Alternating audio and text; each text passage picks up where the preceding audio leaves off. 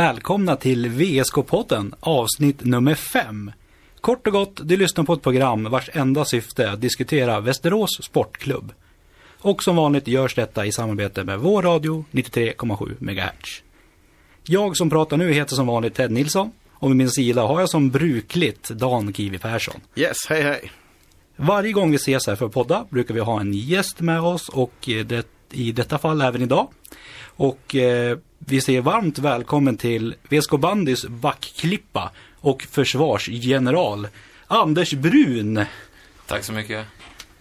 Ja, Brun. eh, För de som inte vet vem du är, vem är Anders Brun om du skulle förklara och berätta? Ja, vem är jag? Jag är väl en eh, kille på 37 år snart då, men...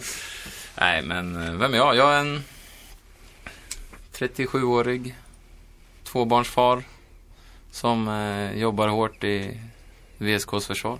Mm. Eh, uppväxt i, Jag är uppväxt i Motala, i Östergötland.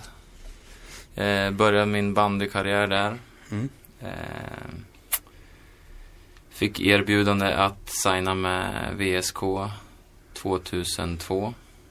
Och eh, ja, det var inga funderingar utan fick man chansen att spela här så var det klart att man tog den. mm. Om vi börjar där i Motala. Eh, är du en riktig Motala-grabb? I grunden? Hur är en riktig Ja, Motala det vet jag. Det hoppades jag att du skulle veta. Ja, det är klart att jag är en riktig Motala-grabb. Det är klart att jag är det. Eh, ja, men du, du får utveckla Kiwi. Nej, jag vet Vadå inte. Var Jag- Motala-grabb? Jag är en småstadskille Ja. som... Eh, Höll du på med mycket idrott när du var liten eller? ja, det gjorde jag.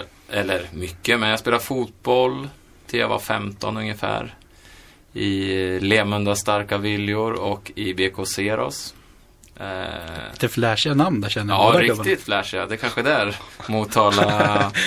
det var inte storklubben Motala AIF, utan det var Lemunda, Starka Viljor, BK Seros. Små, fina klubbar. Men alltså, parallellt då så spelade jag ju i IFK Motala i bandyn. Började i bandyskolan när jag var typ fem år kanske.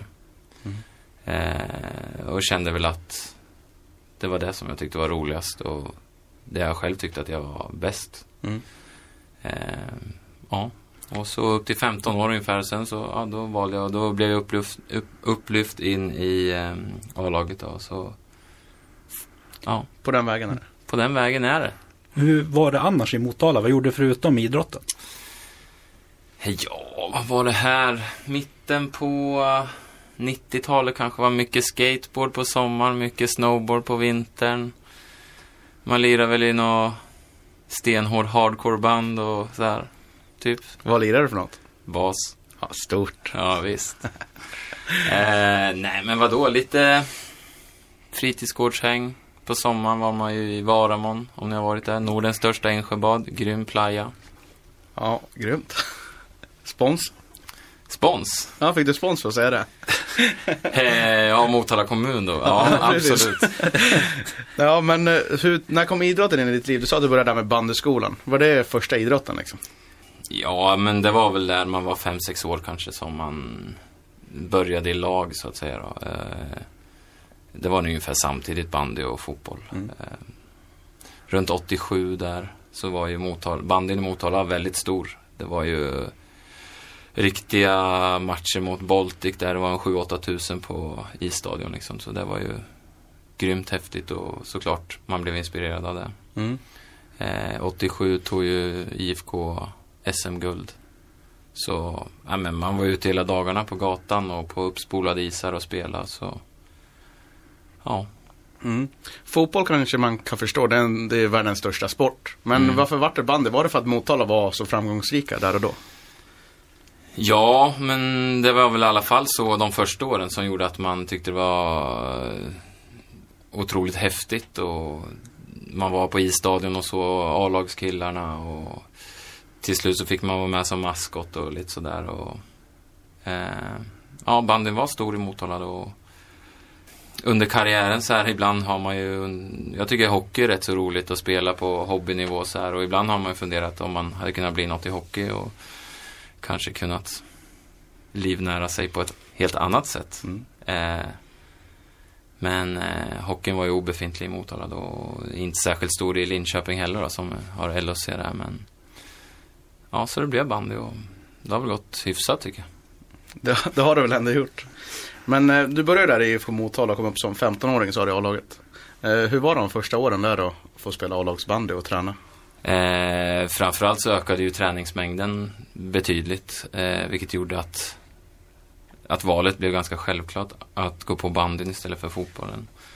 Eh, ja, men det var ju ganska tufft. Eh, jag tror att det var lite det var lite tuffare för juniorerna på den tiden tror jag. Man fick eh, ja, ganska så tufft spel och jag tror bandyn var lite råare då också. Så man blev skolad att vara lite småful som försvarare. Eller ganska rejält ful ibland. Så man såg på... Ja, man var lite mer råbarkade försvarare på den tiden tror jag. Och det har... Eh, bandyn har utvecklats till något annat så man kan inte bara leva på att spela fult utan man måste ju hålla sig på banan och vara hyfsat med i spelet också. Liksom. Så. så ja, man fick väl eh, gå den hårda vägen de första åren. Så det är lite enkelt för junioren Rasmus Sjöström att komma upp nu. Det är inget biter den grabben eller? Nej, vi har väl blivit lite för snälla tror jag. Men ja, de kanske... Man försöker väl ibland att säga åt dem att plocka lite bollar och uppföra sig. ja. Och sen eh, flyttlastet, det gick ju till Västerås då 0203. Mm. Varför blev det VSK? Eh, ja, varför blev det VSK? Jag tror det var kring jul någon gång. Säsongen alltså då kan det ha varit 01, 02. Det var Björn-Olle som ringde. Telefonen ringde, okänt nummer. Det var Björn-Olle. Inte en aning vem Björn-Olle var då, men det gick ju snabbt upp att han liksom skulle värva mig. Ville ha mig till VSK. Eh, jag kommer ihåg när man la, la ner telefonen då. och Gick ut i vardagsrummet eller till de andra. Och sa att det var VSK som ringde. De ville att jag ska spela där. Det var ju ganska stort och man fattade nog inte själv riktigt. Redan där och då så bestämde jag mig såklart. Redan när han sa vad han ville såklart. Ja, mm. jag, klart jag ska spela VSK liksom. Om mm. ni vill det så kommer jag göra det. Så det var aldrig något svårt beslut. Mm. Och jag var väl på några över, övertalningsförsök hos tränaren i Motala då som var Brodén och hans assisterande Björn Bäckne där som ja, försökte behålla mig och Stefan Exet Eriksson som då blev Hammarby. Eh, men eh, jag tror båda två hade planer på att utvecklas lite mer än vad möjligheten var i Motala just då. Mm. Vad hade du för bild av VSK där in, innan samtalet kom? Du sa att det var ett lätt val då. Så du borde ha haft någon, någon slags bild? Ja, man hade väl egentligen ingen så bild av hur, fun hur föreningen fungerar eller så, men det var ju eh, hyfsade spelare som lirar här. Liksom. Micke Karlsson, Pelle, Östling med flera, med flera liksom. Eh, och sen att det, var en stor, att det var en stor förening, många SM-guld bakom sen där på 90-talet. Och, så, ja men, det är väl kul att, för mig att åka till VSK och vinna lite SM-guld, så gick ju tankarna. Liksom. Fanns det några mm. andra klubbar intresserade där eller var det bara Motala eller VSK? Nej, faktiskt så var det Falun där som eh, ville ha ett möte också. Och jag tog det mötet. Men ja, det var, det var lite så här. Jag åkte till Örebro och träffade någon kille där från Falun. Fast jag redan hade bestämt mig för VSK. För att vara schysst liksom. Så mm. kändes det som. Och eh, eftersom jag är en schysst kille så. ja.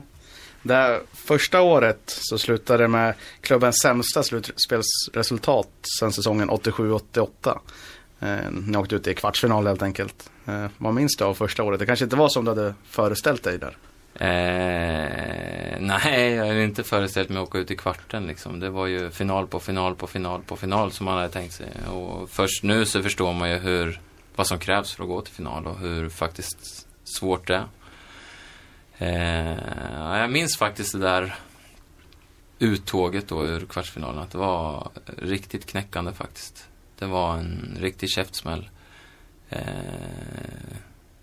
bodde här borta på, vad heter det, Tenngatan i lägenhet. Och jag kom ihåg när jag kom hem så bara, jag bröt ihop typ. Alltså det var, det var inte därför jag hade kommit hit. Mm. Jag hade lika gärna kunnat varit kvar i Motala liksom med all trygghet som man hade då innan man hade kommit in i det här och, och hit åkte man för att vinna Mm. och spela på studenternas. Men eh, ja, nej, det var tufft första Mm. året där. Var det pressen på dig själv du satte eller var det förväntningar runt omkring? Eller vad var det som gjorde att det blev... Jag har alltid hög press på mig själv. Jag brottas alltid, brottas kan jag säga, men jag sätter alltid höga krav på mig själv och ibland är det tufft att leva upp till dem och ibland går det bra, men och det går ju bättre ju äldre man blir. Man lär sig väl att hålla kraven på en hyfsad nivå, men jag tror snarare att det var att Ja, att man förväntade sig att ja, men det är lugnt, det räcker ju att vara med i VSK så fixar det sig liksom. Och som jag sa nyligen här att först nu egentligen, eller sedan några år tillbaka, så förstår man ju att hur viktiga allas bidrag är i Mm. att gå hela vägen. Och ja, jag ska inte säga att det var mig vi stod full på, men man åkte hit med de spelarna som var i laget så trodde man att ja, det här löser sig. Det, det är inga problem, det är klart vi vinner guld. Mm. Så blev det inte och så blev det inte på några år där. Det var fem raka säsonger med förluster i semifinalerna. Mm. Eh, Så det var ju, som du säger, det var inte som du hade tänkt dig. Hur, var, hur frustrerande var det att åka ut i semifinal efter semifinal? Jo, det var... Framförallt kommer jag ihåg eh, då när vi åkte ut mot Edsbyn. När de vände den här... eh, När vi ledde med 3-1 med dryga kvarten kvar och de vänder och det går till sadden och de... Vi, nej, det gick aldrig till de- gång. De eh, eller, eh, vann på övertiden och så här tror jag. Eh, då hade man nästan, nästan som någon slags panikångest på vägen hem i bussen. Då kändes det som att det här var chansen. Det här, eh, jag kommer aldrig få spela en final. Jag kommer aldrig få uppleva det här. Liksom. Då, så var tankarna då. Det Mm. var, det var riktigt tungt. Mm. Panikångestattack. Eh, hur jobbigt liksom, hur var det? Alltså, mådde man dåligt lång tid efter det? Både ja och nej. Alltså tankarna fanns ju där hela tiden. Men då var jag nybliven förälder med vår första dotter. Så man fick ett annat perspektiv när man var hemma såklart. Men eh, ja, när man satte igång och tränade nästa år, försäsong där och tiden fram tills dess så klart att man funderade och det var jobbigt och, och sådär. Och, ja, det var riktigt, då, då var det riktigt tufft. Det var liksom, då känns man var nere på botten och då behövdes det verkligen någonting för att hitta motivationen. Mm. Eh, ja, så kom ju den året efter och Ja, så kom året efter. Jag vet att Micke Campesa när han pratade med, var det Lillis? Som var tränare? Nej, det nej, var Westman. Westman. Han pratade med Westman i försäsongen och de diskuterade hur högt upp i tabellen man skulle komma. De kollade på nedre halvan i princip. Mm, Eh, och sen går man och vinner ett sånt år. mm. Hur liksom, det var inte panikångestattack då kan jag tänka mig.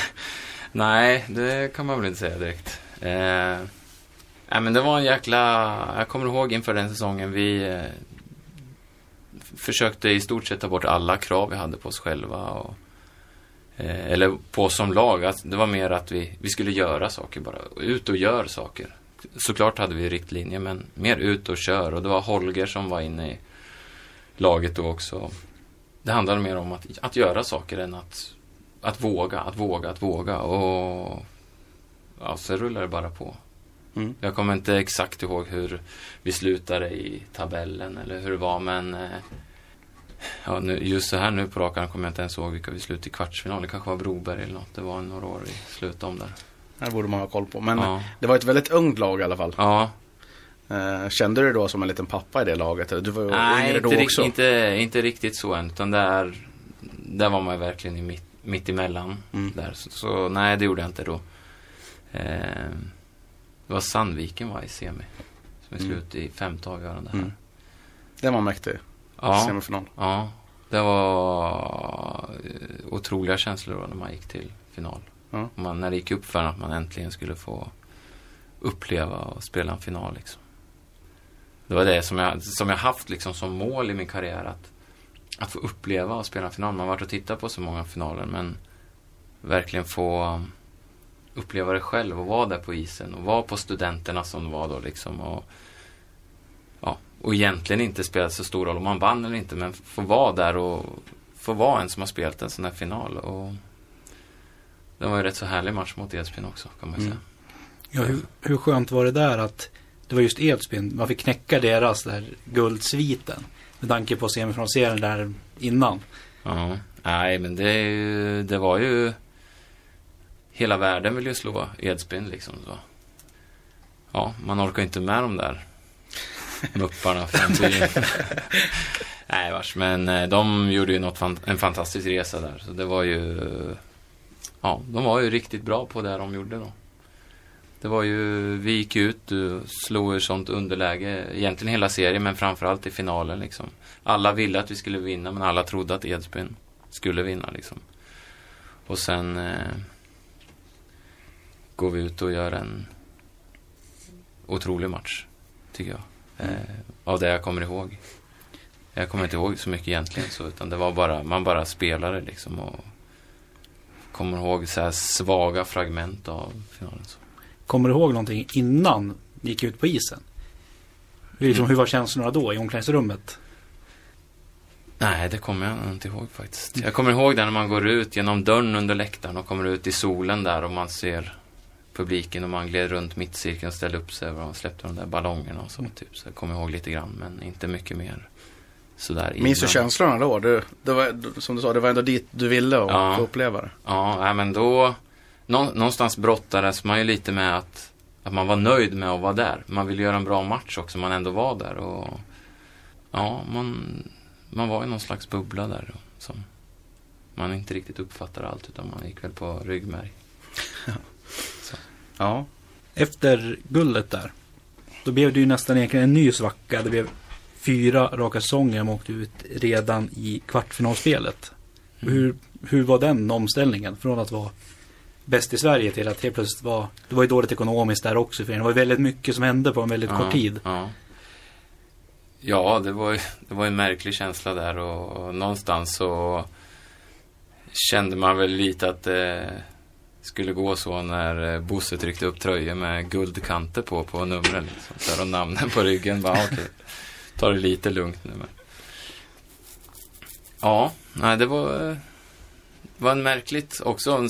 Samtidigt så var man var man ändå, det är klart man ville mer än spela kvartsfinal liksom. Det vill man ju alltid och nu hade man varit där och nosat och ville göra, göra det igen. Men någonstans i bak fanns ju så här, ja ja men nu har jag ändå fått gjort det.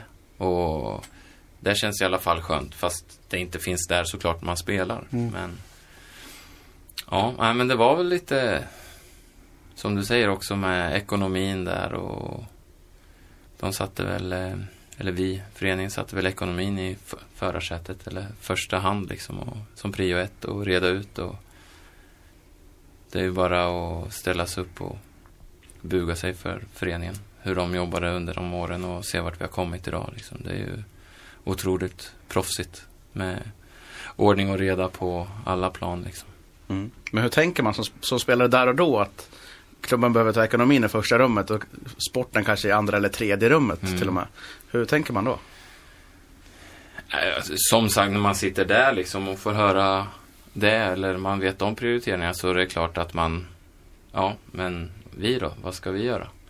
Eh, samtidigt som vi ändå fick bra förutsättningar tycker jag. Alltså det var inget som Ja, vad kan man säga? Det var inget, vi fick inte stryka på foten på några grejer. Alltså vi hade lika bra då som spelare som vi har det nu. Men eh, ja, nej, svårt att säga så här i, långt i efterhand. Mm. Men eh, jag är bara glad att föreningen gjorde de valen. Sen eh, säsongen 13-14 så valde du att testa lyckan som proffs Mm. i Ryssland. I Mm. ryska Volga. Ja. Eh, varför Ryssland? Nej, men det var väl också någonting som har vuxit fram genom karriären. Att det började väl där någonstans när eh, Micke drog i början på 2000-talet. Eh, då var man väl lite för ung och erfaren kanske och inte hade gjort något än. Eh, sen kom de här andra vågorna när de drog och då började man fasen, vad ska jag göra för att kunna komma dit? Och det vore ju riktigt kul liksom. Sen så, ja, så ringde det i telefonen igen. Och då var det Erik Farskutino. Eh, lirat i Tranås tror jag och i Volga. Eh, som frågade om jag var intresserad. Mm. Och det var ju. Och då spelar det egentligen inte så stor roll eh, vilken klubb det var. Det är klart att jag gärna hade spelat i en toppklubb i Ryssland men eh, för mig var äventyret och själva grejen det största. Eh, kombinerat med att man kan känna sig en hackare. Mm. Hur var Volga som föreningen, föreningen då? Var låg de i tabellen? Alltså var det ett mitten eller topplag? Nej, eller? de har varit eh, bottenlag eh, väldigt länge tror jag, vad, vad jag har koll på. Eh, så de värvar ju mig, Sundin, Kalle Spjut och Parskin då för att ja, göra någonting liksom. Och ja, vi låg ju som bäst eh, placerade fyra i serien ett tag. Och sen så bestämde sig ryska ligan för att inte låta oss vara där. Kan du utveckla det där? Nej, men så är... Eh, ja, men vi spelade jäkligt bra. Vi tog dubbelt så många poäng typ som de hade gjort året innan. Och vann eh, många matcher hemma och gjorde bra resultat borta. Vi... Eh, jag det känns som varje match vi tog poäng så var alla jätteglada för det var första gången på 50 år som vi tog poäng där hit och dit. Det var, vi vann i Kemmerovo mot Kuspas borta. Det var första gången på 50 år och, så, och det var, vi firade. Och sen tog vi poäng borta mot Neftjanek i Chabarovsk. Det var också tydligen sensationellt. Och ja, nej men sen så började vi väl närma oss andra halvan av serien och sådär och då Ja, det finns större lag som ska ha högre placeringar helt enkelt. Hur känns det? Bara utan Nej, men det var, det var ju ganska frustrerande som... Ja, men här i Sverige så spelar man ju på rättvisa grunder. Mm. Eh, I eh, Ryssland, där jag fick uppleva i alla fall, så um, var det lite tveksamma, bland annat tveksamma domarinsatser som man kan ifrågasätta, vilket vi gjorde och fick väl mest till svar så att eh, det är så det. Vilka var det som ifrågasatte? Ni svenskar som var där eller? Ja, men vi laget? var ju såklart oxtokiga liksom på, på domaren. Vi, det var någon match där vi förlorade precis i slutklämmen eller det blev oavgjort eller eh, vad det nu var. Men på en solklar offside och så. Men det var, kändes som att det bara var vi som reagerade. Vi eh, skällde på domaren när vi åkte förbi och frågade och... Men då sa tränaren bara, det är, det är rysk, det är rysk band. Ta det lugnt grabbar. Det måste ju vara frustrerande. Alltså Ja, otroligt det frustrerande. var faktiskt... Eh, det var samtidigt så är det en annan kultur också. Det, det är en del av eh, själva konceptet man köper en man och skriver på för att spela där borta. Och jag skulle gärna testa en sväng till faktiskt om så. Men vi får se. Ja, har du fått några hinter om från Ryssland eller Nej, är det mest sugen bara? Är jag inte. Jag är väl för gammal nu, jag vet inte. Men eh, det vore kul att testa en, en sista gång. Liksom så. Och gärna i ett lag som är lite bättre, men eh, ja. Men det står väl skrivet i stjärnorna. Ja, och jag tycker vi pausar här i någon minut för vi ska köra en låt och sen kommer vi återkomma. Och det känns som vi kommer fortsätta lite grann på Ryssland ett tag också till. Så nu kommer en låt så vi är alldeles strax tillbaka. Vi samlas har ett gäng med klämma trevligt och ikväll Till matchen den är slut, nu får vi pusta ut Och samla oss till nästa fight, då sätter vi igång. Och när vi ut på planen går, vi sjunger denna sång. Ja, det är grönvitt ut på planen. Ja, vi ska visa vad vi kan. Ut i serien mot finalen Ska vi kämpa alleman Ja, vi är små, ska gå mot toppen. Ja, det är fart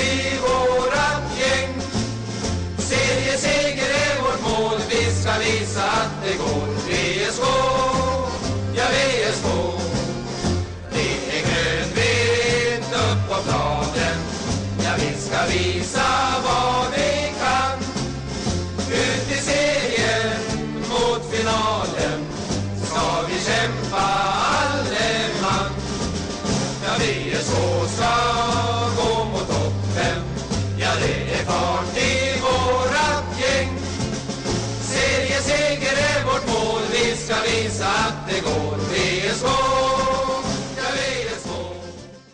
Ja, du lyssnar alltså på VSK-podden.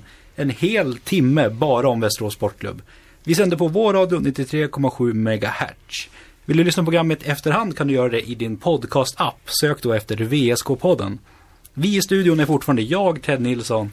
Dan Kiwi Persson. Och så har vi dagens gäst fortfarande med oss, Anders Brun. Ja, vi pratade lite om Ryssland här innan. Eh, Vi fortsätter på det spåret. Eh, Sett, om vi hoppar från banden lite grann. Hur var det att bo i Ryssland?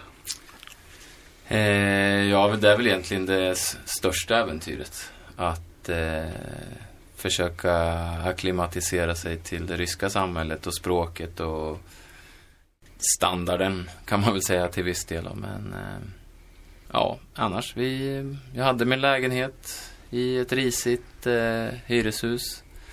Eh, men oftast så är det bara skalet som är risigt utåt. Eh, det var en bra lägenhet och sådär. Eh, jag tror det funkar så. Någonstans var någon som sa att det finns liksom inga bostadsrättsföreningar som här som sköter om själva fastigheten utan eh, där har man sin lägenhet och det är den man det är den man äger och bryr sig om liksom. Sen hur trappuppgången ser ut så det, det spelar mindre roll liksom så här. Det är en stor plåtdörr som man gick in genom liksom. Det låter mysigt. Eh, ja, det var riktigt mysigt. Och sen var väl allt i min lägenhet beige. Inklusive golvar och, golv och tak. Eh, nej, men det var... Ja, man var inte där så mycket. Man tränade varje dag och var på resor och sådär. Så. Det funkar. Mm. Eh, sen är det ju en ganska så dräglig tillvaro som proffs. Man tränar mitt på dagen några timmar och så ja, gick vi på restaurang och så gick vi hem och chillade lite och kollade på film och Mm. gick ut och käkade igen kanske om vi inte orkar ma- äta mat. Så. Eller så låg man på hotell och kollade på paddan. Mm. Men eh, lagar man mycket mat när man är själv eller käkar man ute? Nej, vi lagar faktiskt eh, väldigt mycket mat. Jag, eh, jag hade ju en lägenhet själv och så bodde Robin, Kalle och Mischa i en lite större lägenhet i trappuppgången bredvid. Så vi gjorde väl så att vi handlade hem massor råvaror då från något eh, supermarket där som, ja, typ Ica Maxi. Eh, så vi hade hemma och lagade väl mat där varje kväll i stort sett. Eh, så vi gick ut och käkade efter träningen och så lagade vi ja, hyfsat mycket mat hemma faktiskt. Mm. Hängde det mycket på sportklubben, vad heter den? Jackies? Eller vad heter den där på köpcentret? Eh, ja, vad hette den? Den hette ju Någonting sånt där, Ja. amerikanskt i alla fall. Jackies. Ja, nej, ja. Ja, skitsamma. Ja, det var några gånger där faktiskt. Riktigt bra burgare och sådär. Så oftast var det väl när man har varit ute på en liten turné och bara ätit eh, rysk hotellmat som ofta bestod av potatis, eh, fläskkotlett och en tomatskiva med en ostbit på. Inte mycket sås till. Nej, inte mycket sås till. Kanske i form av eh, smetana. Någon typ av crème fraîche där. Eh, hur var det att vara proffs där ändå? Det, är man proffs när man är där eller känner inte folk igen en på stan och sådär?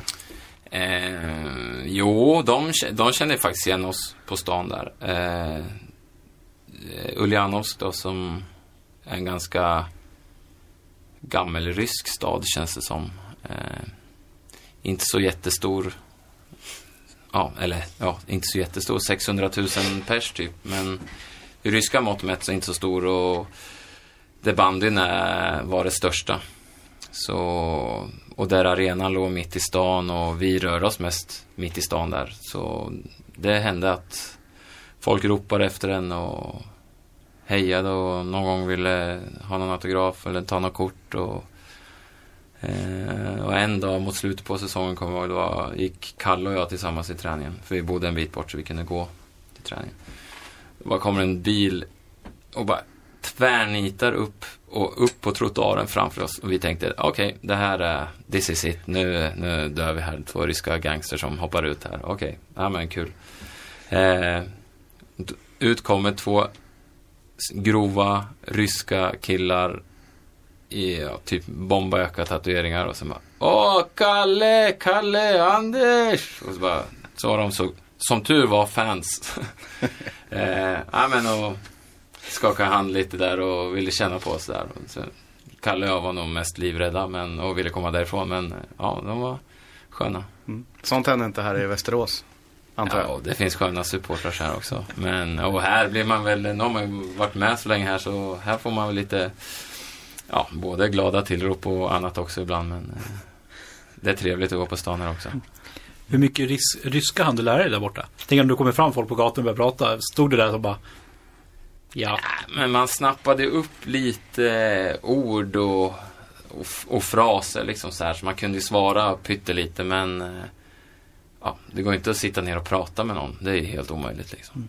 Men man klarade sig ju till exempel när man gick och handlade själv och åkte taxi och lite sådana där grejer. Beställde på restaurang och mer än så krävde inte proffslivet. vad de sa på plan och innan matcher, det var skitsamma. För det såg likadant ut oavsett vad vi sa. Så. Hade ni någon tolk eller? Mischa Pashkin kan väl? Ja, Mischa tolkar lite sådär men han vågar man inte riktigt lita på heller. alltså. så, men vi hade ju tills eh, huvudtränaren då, som var Naumov som har varit i Sverige och tränat och så Eh, han kan ju lite svenska. Men så fram tills han fick sparken där i januari kanske så ja, så först kunde han prata lite svenska med oss också om det var något viktigt. Men eh, ja, det var inte så komplicerat spel hos oss så vi, vi körde som vi tyckte i alla fall. Mm. Tänker när, när du var borta i Ryssland. Då gick ju faktiskt VSK till SF-final. Ja. Hur kände du när du satt i Ryssland?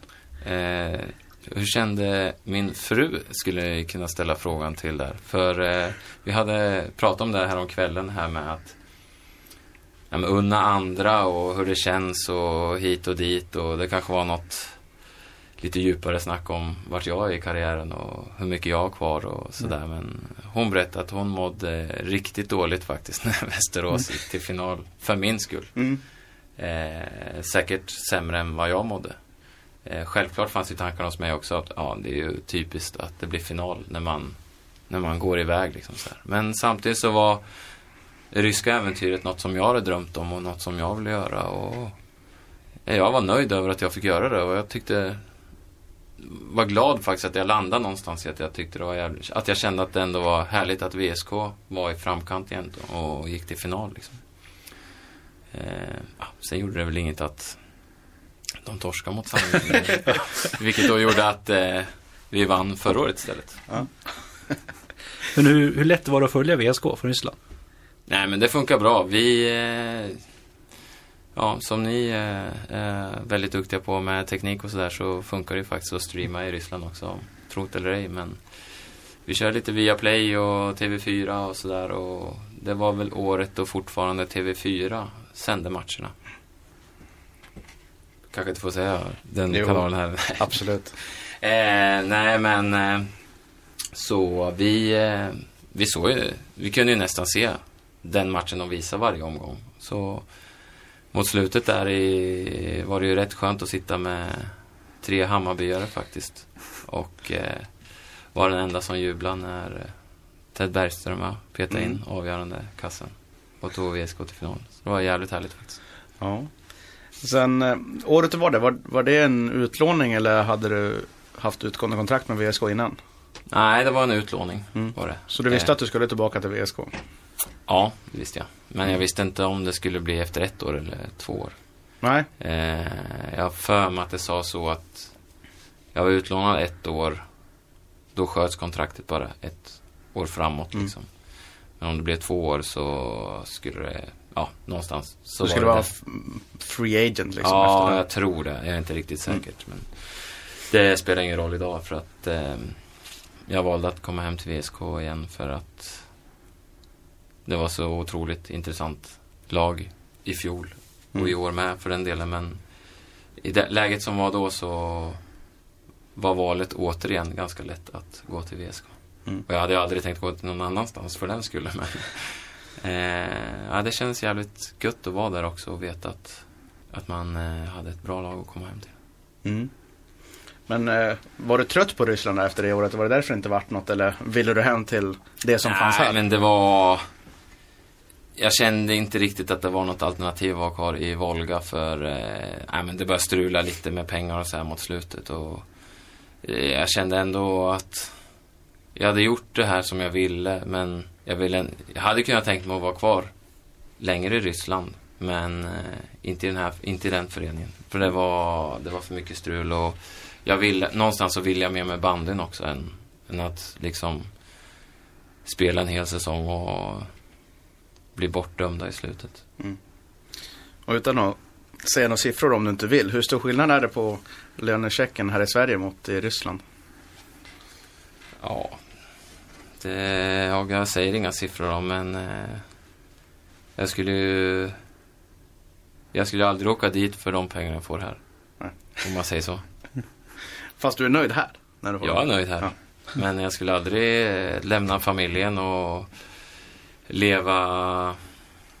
Nej, jag ska inte säga leva under de omständigheterna. För det, jag levde bra där. Men jag skulle aldrig göra den resan för, dem, för en vanlig lön här. Liksom. Mm. Det krävs ju...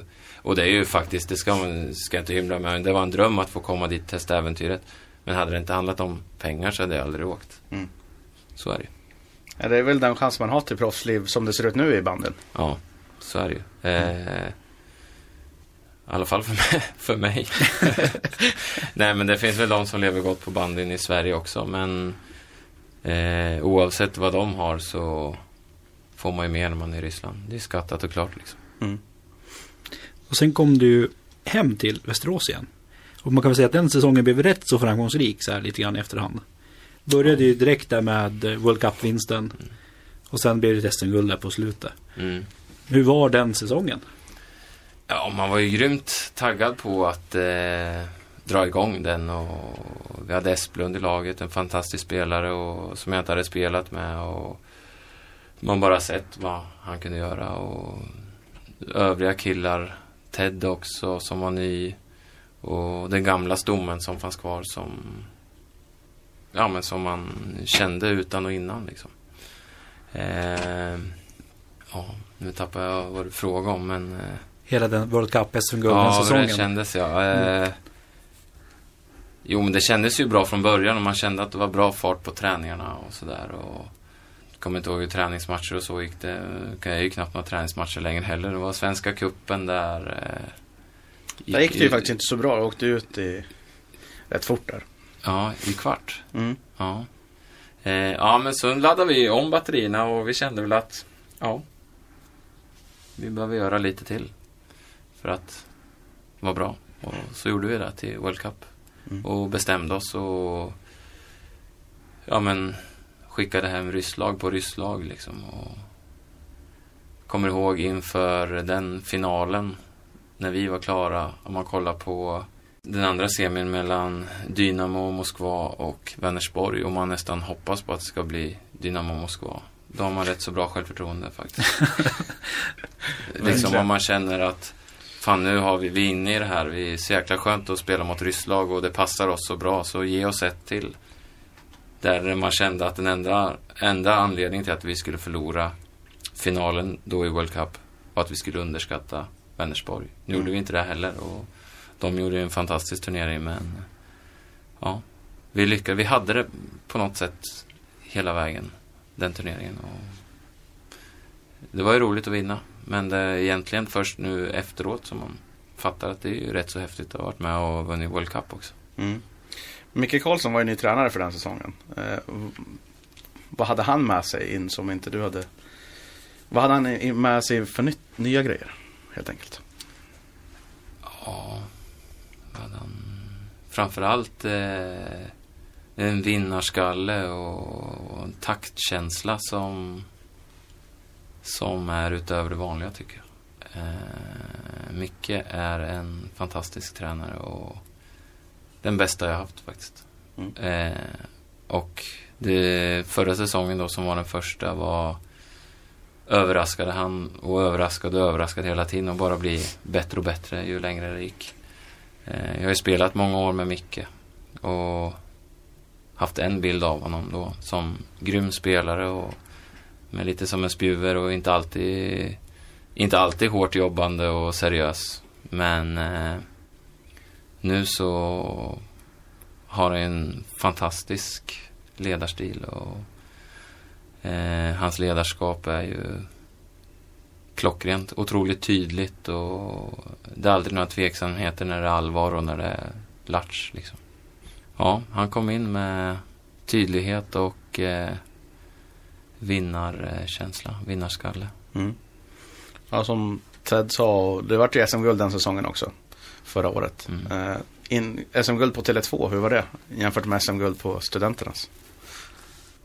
Ja, det var väldigt annorlunda. De var verkligen inte lika. Första på Studenternas, den 09, var ju en euforisk känsla. Man fattade inte riktigt och man sög inte in eh, atmosfären och man eh, ja, hade inte riktigt koll på läget. Det var bara otroligt roligt.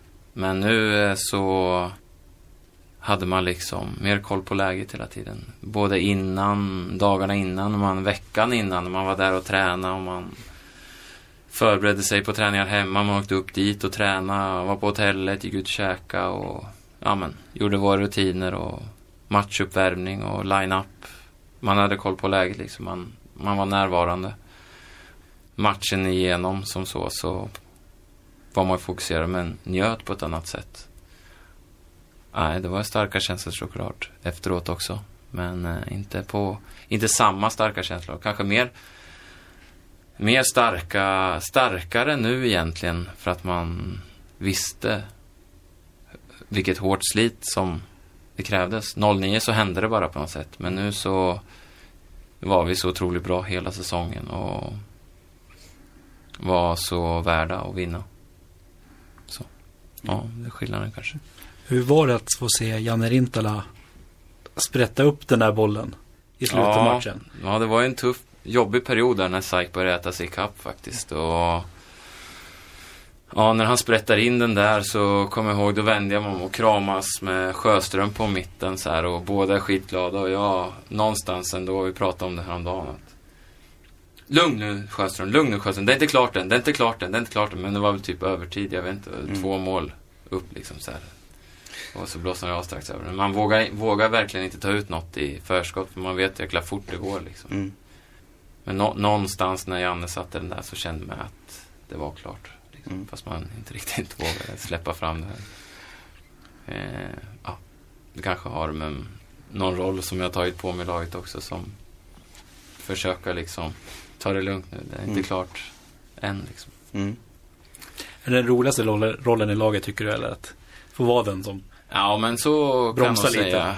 Ja, jag hoppas att jag inte bromsar Mm. utan att jag jag försöker att lyfta andra och peppa och pusha och hålla snacket igång. Även en sån match som igår liksom. Att man försöker driva på någonstans. Så. Man har inte så stor chans att driva på i spelet så. Men man kan ju försöka vid hörner och frislag och timeouter kanske och lyfta andra och sådär. Och jag tror att den roligaste, roligaste tiden i min karriär är nog den perioden som jag är i nu. Från att jag kom hem från Ryssland till nu. Och jag hoppas den fortsätter ett tag till. Mm. Ni följde upp förra säsongens World Cup och SM-guld med att vinna Svenska Cupen direkt den här Mm. säsongen. Mm. Ehm, hur skönt var det att få ett kvitto till att ni fortfarande var där uppe liksom? Mm. Ja, men det var såklart skönt att starta upp säsongen och jag tycker även att vi gör eh, World Cup bra. Mm. Eh, eh, får inte riktigt till det där i semin där men eh, det kändes att fasen, vi, är, vi håller i år också. Vi är riktigt bra och Simon kom in som ny i gänget och fyllt på med några yngre underifrån med. Och, eh, och sen så har vi ju varit fantastiska den här säsongen också tycker jag. Så det, det är det som gör att det är så kul att spela. Att vi eh, känns som att VSK har tagit ett kliv nu och verkligen ligger i framkant där vi, där PC med flera och vi själva har sagt att för några år sedan att vi ska vara ledande på alla plan. Liksom, så, så. Mm. Det känns som att vi är där nu. Mm. Ja, för vi, vinst i elitserien också, första platsen där. Mm. Fick välja lite som ni ville inför slutspelet Mm. helt enkelt. Hur skönt var det att ha eh, den fördelen om man säger? Ja, alltså egentligen spelar det inte så stor roll. Man ska slå alla lag om man ska gå hela vägen. Och, eh, ja, men det kändes bra. Vi hade diskuterat igenom valen och bestämde oss för Vänersborg. Och vi vet att Vänersborg är ett tufft lag att möta. Det blir oftast ganska fysiska matcher och grinigt och sådär, vilket det blev. Eh, ja, sen valde vi SAIK på våran sida för att eh, det är ett roligt lag att spela mot. Roliga, häftiga matcher och lagom resa och ja, jag tror att det kan vara det är en häftig utmaning. Och det är egentligen där vi är just nu, Mm. eh, semifinalserien. Mm. Första matchen 11-3 till VSK, andra matchen 12-4 till Sandviken. Vad är Mm. det här för semifinalserie egentligen? Det är semifinalen från eh, helvetet. eh, nej, ja, det, det är väl många som eh, funderar så, kan jag tänka mig. Eh, vi själva också kanske, eller inte. Försöker inte fundera så mycket utan bara köra och två bra lag med två bra spelare, eller två bra spelare, flera bra spelare, två bra lag. Nej men eh, två bra lag med många bra spelare och ja, lite medflytt och medstuds så går det antingen som det gick för oss i eh, Torsdags? torsdags eller som det gick igår för Sandviken. Så ja, jag tror på eh, jämnare matcher framöver. Vad är det som har berott att det har blivit så här mycket mål? Det, de här målen, de sista målen har kommit i slutet på matcherna. Har man har det andra laget gett upp då lite eller vad? Man, man försöker väl hålla ihop det och hålla upp eh, spel eller eh, kampen så länge som möjligt. Men eh, det är klart att 8-3 och 10 minuter kvar liksom. Det är väl ingen idé att bränna för mycket krut där. Sen behöver det inte bli 12 insläppta eller för deras del 11. Det, men det är slutspel och det, det spelar ingen roll om man förlorar med 11-3 eller 12-4 eller 1-0 liksom. Det, så det, det är inga poäng som ska delas ut utan det är matcher som gäller. Mm. Och det står ju 1-1. Eh, har du glömt gårdagen redan och blickar mot onsdag eller hur ser det ut? I hjärnan? Eh, ja, men det måste jag nog säga. Vi, eh, vi eh, var tjuriga igår kväll. Och sen så har man väl eh, fått försvara sig eller skylla från sig lite på jobbet idag och sådär. Och så tränar vi lite lätt idag. Och det är skönt och roligt att vara tillsammans med grabbarna och ledarstab och till och med materialarstaben ibland faktiskt. Men eh, ja, vi siktar mot onsdag. Så känns det. Vad kan vi förvänta oss att se onsdag? Ja, ni kan ju förvänta er eh, ett jävligt taggat VSK och säkert lika taggat Sandviken. Eh, ja, men vi, vi är inställda på den matcher som ska avgöras över fem matcher och det är två uh, anrika lag som möts. Det är fullt krig i varje situation och det är ingen som kommer bjuda på någonting på onsdag tror jag inte. Utan det kommer bli en, jag tror på en tuff och tät match. Det blir inte 13-5 då? Statistiskt 11-3, 12-4. Blir det 13-5 så kan jag skriva under på det. Alltså, det är okej för mig om det blir 13-5. Men eh, jag tror inte det. Eh, jag tänker, du har ju varit här i 13 säsonger nu.